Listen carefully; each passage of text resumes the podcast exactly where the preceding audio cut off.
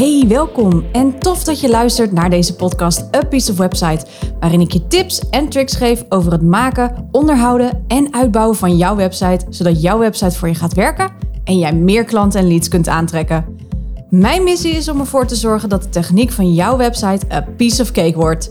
Ik ben je host, Cheryl Porcelein, webdesigner en taggirl en dit is A Piece of Website, de podcast.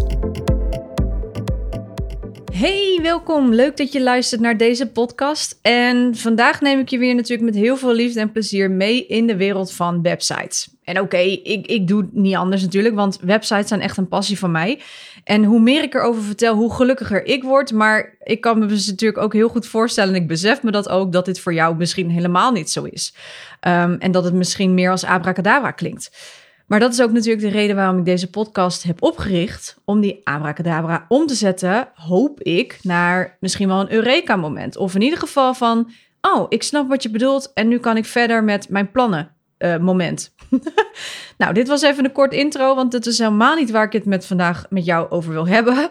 Waar ik het wel over wil hebben is natuurlijk de website. En wat ik je vandaag hoop te leren in deze podcast is om je heel anders te laten kijken naar je website dan dat je misschien gewend bent. Een website kan veel verschillende dingen zijn. Het kan een webshop zijn, het kan een portfolio zijn, een klantportaal en zelfs een academy tegenwoordig. En tegenwoordig is een website maken ook niet meer heel erg ingewikkeld, zou je denken.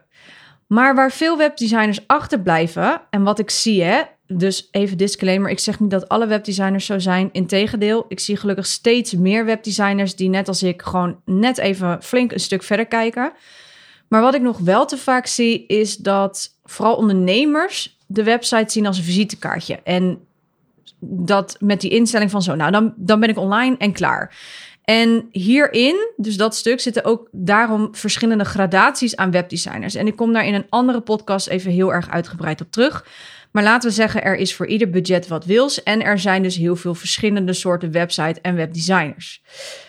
Nou, en wat ik dus zie is met dat stukje, met die instelling van zo, ik ben online en klaar, um, is dat een website uiteindelijk dan niet meer wordt bijgehouden en vervolgens dus ook niks meer oplevert. En dan hoor je allerlei excuses waarom dat zo is. Nou, en daarin onderscheid ik mij onder andere ten opzichte van de gewone, tussen aanhalingstekens, webdesigner. Want je website is al lang dat visitekaartje niet meer. Dat was misschien zo in het jaar 2000. Hè, toen begonnen de websites een beetje te komen. En veelal was daar in de website inderdaad een visitekaartje. Want de concurrentie was toen de tijd nog heel laag. Dus als je toen al zichtbaar was online, had je inderdaad nog de grootste kans om gevonden te worden in de zoekmachine bijvoorbeeld. Maar tegenwoordig is dat niet meer zo. Hebben we heel veel concurrentie. En dat betekent ook dat de website zich is gaan ontwikkelen, gaan evalueren. En een website is dus zoveel meer dan just een visitekaartje, just a business card. Um, het is nu letterlijk een onderdeel van jouw marketingstrategie. En als het nog niet het geval is en je luistert dit en je denkt van, mm, dan uh, is het nog niet echt, dan zou dat wel zo moeten zijn. En dan mag je daar voor mij ook, nodig ik je bij deze uit, om daar eens kritisch en goed naar te kijken. Want ik zeg altijd tegen mijn volgers en mijn klanten: jij hebt de volledige controle over je website. En dit is even een sidestep, want als jij bijvoorbeeld uh, Facebook en Instagram gebruikt en Mark Zuckerberg besluit dat morgen er, uh, de stekker eruit moet vanwege Europese uh, wetten, vanwege de AVG, et cetera. Hoe gaan mensen je dan vinden? Heb jij dan iets om mensen alsnog klant te laten worden? En ik zeg ook daar altijd bij: bouw je bedrijf nooit op iemands anders algoritme. Nou, dat was even een sidestep, want die website is dus het onderdeel wat in je marketingstrategie moet worden opgenomen. En om je website te integreren in die marketingstrategie van jou, is het enorm belangrijk dat jij een doel hebt bepaald voor je website. Wat wil jij met je site bereiken? Hoe ziet dat eruit en wat moet dat gaan opleveren op korte termijn, maar ook op lange termijn? We zijn ondernemers, hè, dus we kijken ook naar het lange termijn stuk. Wat ik wel alvast even ga doen, uh, is jouw bubbel uh, even doorprikken. Heel lullig. Um, maar het doel alleen maar sales draaien met je website is een pittig doel. Niet geheel onmogelijk, dat zeg ik er wel even bij. Maar daar gaat wel een flinke tijd overheen. Dus dit zou een heel mooi lange termijn doel kunnen, kunnen zijn. Um, maar waarom ik dit zeg is omdat ik natuurlijk heel veel uh, gesprekken ben aangegaan. Ik heb al heel veel websites gemaakt, heel veel website-analyse gedaan. En ik krijg heel vaak: mijn website moet sales of dus omzet genereren. Tuurlijk, Dat kan ook zeker gebeuren. Maar pin je er niet te veel op vast in het begin vooral. Want uit onderzoek blijkt dat 98% van je websitebezoekers na het eerste bezoek de website verlaten zonder aankoop te doen. Dus directe sales draaien, dus directe omzet draaien met je website vanaf het begin is heel lastig. En dat ligt niet aan jou, maar dat ligt, heeft alles te maken met vertrouwen en herkenning. En of jij de juiste persoon bent en hoe je je website hebt ingericht dus ook. En nou ja, nog veel meer parameters waar je rekening mee moet houden. Dus je mag van mij als doel zetten, de website moet omzet draaien. Ehm, een directe omzet draaien. Dus dat mensen zodra ze de website bezoeken, dat ze meteen iets aankopen. Dat is natuurlijk voor een webshop uh, een ander verhaal. Maar voor als jij een dienst uh, bijvoorbeeld verkoopt, is dit wel een lange termijn strategie. En is dit dus niet op korte termijn dat je binnen no time uh, bij het eerste bezoek. Het kan hè, uitzondering daar gelaten, maar dat jij ineens een 100.000 euro omzet met je website draait nadat mensen op je website zijn geweest. Dus je moet daar iets geduld voor hebben. Laat ik het daarop houden. Het is niet, zeg nogmaals, het is niet onmogelijk. Uh, maar je hebt daar wel, zeg maar, een, een, momentum vaak voor nodig. En ook de langere termijn, dat je klantenbasis gaat opbouwen, herkenning gaat opbouwen, et cetera. Maar in ieder geval is wel iets om rekening mee te houden. En meestal worden mensen dus via een omweggetje uiteindelijk klant. Het kan zijn dat ze via een gratis download bij jou op je website hebben gedownload of aangevraagd. En uh, via een funnel of uh, via de weggever zelf uh, klant gaan worden op een gegeven moment. Um, het kan zijn dat het via via is, wat bij mij heel erg veel gebeurt. Is dat via mijn netwerk wordt mijn website doorgestuurd of wordt mijn naam doorgestuurd. Vervolgens komen mensen op de website en vragen zijn intakegesprek met mij aan, vaak. Het kan zijn dat mensen via social media kanaal uiteindelijk een keer via je website een aankoop gaan doen, et cetera. Maar hoe jouw klantreis ook loopt, jouw customer journey dus, zorg dus dat je altijd je website inricht op het doel dat jij hebt bepaald. dus dat jij wilt behalen met je website. Nou, aantal voorbeelden. Een doel kan zijn: ik wil mijn e-maillijst opbouwen. En dan kun je het uiteraard nog wat specifieker zijn in de hoeveelheid misschien, kom ik later op terug. Een doel kan ook zijn: ik wil dat mensen via mijn website, zoals bij mij, een intakegesprek gaan boeken direct in mijn digitale kalender. Of ik wil dat ze het contactformulier gaan gebruiken om met mij contact op te nemen. Voor een webshop kan er wel een omzetdoel aangekoppeld worden aan de site. Ik kom ook daar zo meteen uitgebreider op terug hoe je dat kunt doen. Uh, maar daar gelden ook weer net even andere regels. Maar dit kun je ook specifieker maken door bijvoorbeeld hoeveel omzet wil je dan draaien met je site. Nou, een doel kan ook nog zijn: ik wil mijn online programma gaan verkopen of een dienst aan zich verkopen. Let wel, wat ik net zei, hè, dit is een stukje lastiger, maar niet onmogelijk. Of je kan zeggen, nou, mijn doel met de website is om mensen echt puur te educeren. Denk aan de platformen zoals Frankwatching, zoals Immers. Um, en dat, ze, uh, dat je bijvoorbeeld met memberships aan de slag gaat uiteindelijk. Hè? Dus dat mensen member worden van om betaalde artikelen te kunnen lezen bijvoorbeeld. Nou, je kan alle kanten op. Je creativiteit is je limiet, zeg ik altijd. Dus ga daar vooral even voor zitten. En bedenk vooral wat je wil bereiken. Wat je ook kiest. Als je iets kiest, is het dan natuurlijk wel zaak dat je je website ook op dat doel gaat inrichten. Nou, dus stel, hè, we nemen even het voorbeeld van die e-maillijst. Dus jij kiest ervoor om je website te gebruiken om je e-maillijst op te bouwen. Wat ik overigens sowieso altijd aanprijs, dus dat, dat geldt terzijde. Maar dan richt je je website dus ook daarop in. Nou, dat doe je bijvoorbeeld door op verschillende pagina's een formulier te plaatsen. Met dit formulier kunnen ze een e-mailadres achterlaten en schrijven ze zich dus automatisch in nadat ze dat in hebben gevuld op die e-maillijst. Dus eventueel als jij een weggever hebt, zeg even dat je een e-book hebt, dan kunnen ze dat uh, e-mailadres achterlaten en dan krijgen ze die e-mail uh, met dat e-book krijgen ze in hun inbox. Nou, als je dit als doel hebt gesteld, is het dus belangrijk dat je op meerdere pagina's dat formulier laat terugkomen. Dus bedenk daarom ook heel goed de flow van je website. Je kan er bijvoorbeeld voor kiezen om op je homepage um, hoger in je website, dus een beetje bovenaan onder de hero, dus die grote foto die we meestal bovenaan zien onder het menu, kun je daaronder bijvoorbeeld een formulier plaatsen. En ook, hè, dus op dezelfde pagina nog, ook bijvoorbeeld helemaal beneden, dus bij je footer. Nou, waarom twee keer hoor ik je denken? Is dat dan niet te veel? Nee, want mensen die hem bovenaan niet invullen, zijn nog niet klaar. Die zijn er dus nog niet klaar voor om al meteen bij de eerste oogopslag een e-mailadres achter te laten. Dat is oké, dat, kan. Dat is niet erg. En daarom zet je er eentje onderaan. Want uh, die mensen die hem dus bovenaan nog niet invullen, willen dus meestal eerst nog informatie. Hè, en dan scrollen ze even door je website, kijken ze wat je allemaal aanbiedt, hoe je verhaal in elkaar zit, wat jij, hoe je iemands leven beter kan maken, et cetera. Nou, die scrollen dus naar beneden. Nou, en als jij een goede flow in je website hebt zitten, dan zullen mensen ook naar, helemaal naar beneden scrollen. Als ze dan op dat moment denken van, hé, hey, ik vind het best wel interessant, maar, hè, wat ik al zei, ik ben nog niet, ik ben onder die 98% die nog niet klaar is om op de eerste bezoek een aankoop te doen, maar ik wil wel op de hoogte blijven van wat jij allemaal aanbiedt en ik wil weten hoe jij werkt, dus ga ik jouw e-book aanvragen. Dus ik kan ook daar meteen uh, een soort kennismaking met je doen. In van hoe schrijf jij of hoe ziet dat e-book eruit? Hoe werk jij? Hoe, hoe, hè, hoe voelt dat?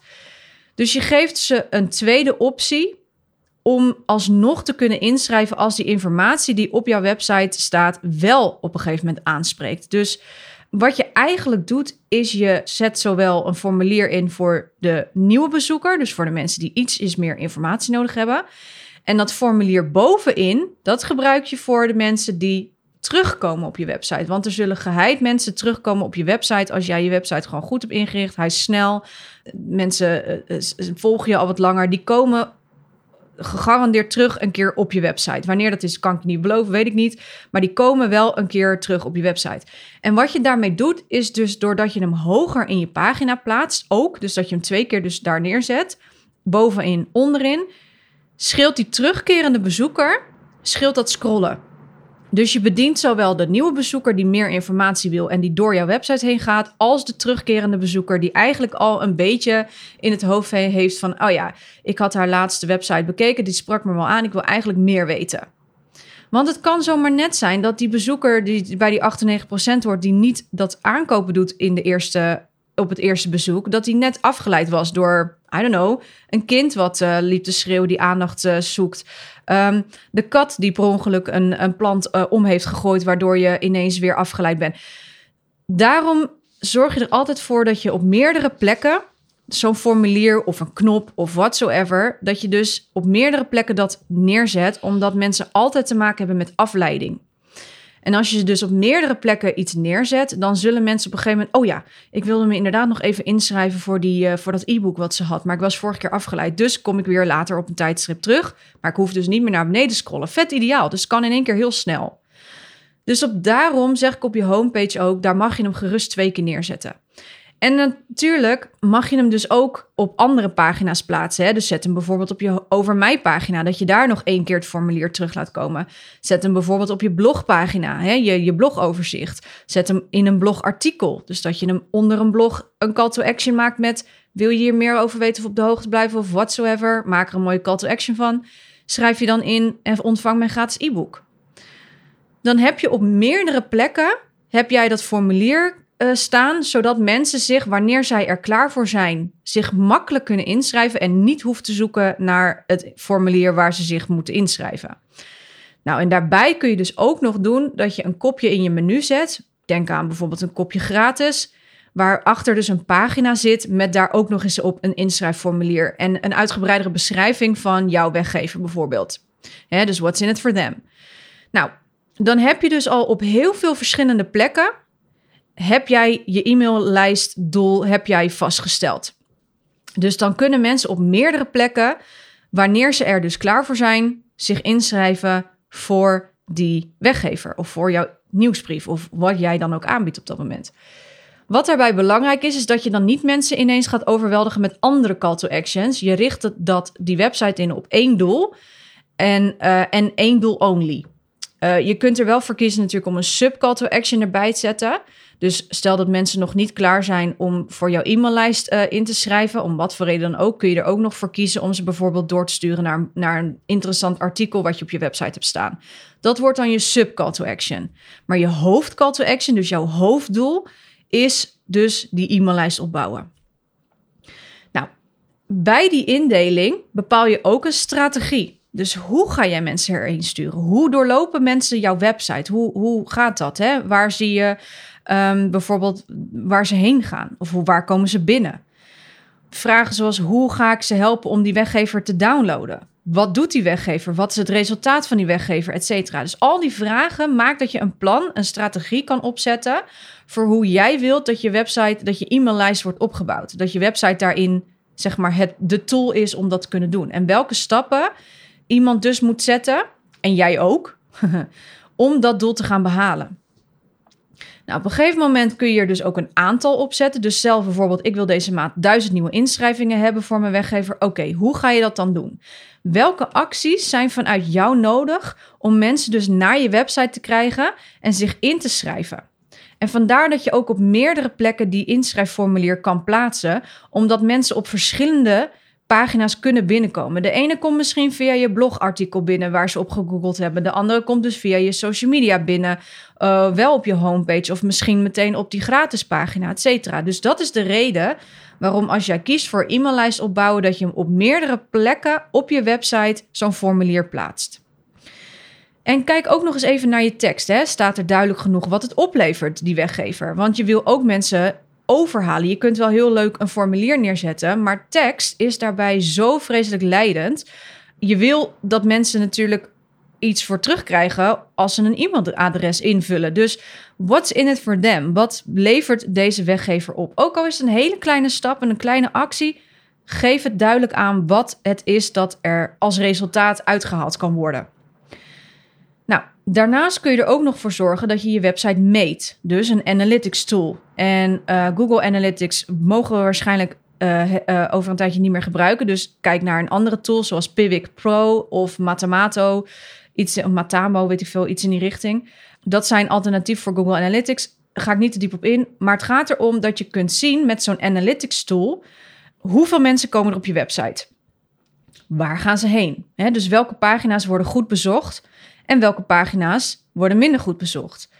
Waar verlaten ze de website? Dus het kan ook zomaar zijn dat uh, mensen uh, wel op de homepage komen, maar vervolgens na bijvoorbeeld de, de Over Mij pagina de website weer verlaten. Nou, dan kun je kijken van waar ligt het dan aan? Hè? Ga dan uit op onderzoek. Ga dan kijken, ligt het aan de tekst? Uh, ligt het aan het feit dat ik ze misschien nergens meer heen stuur? Allemaal dat soort dingen.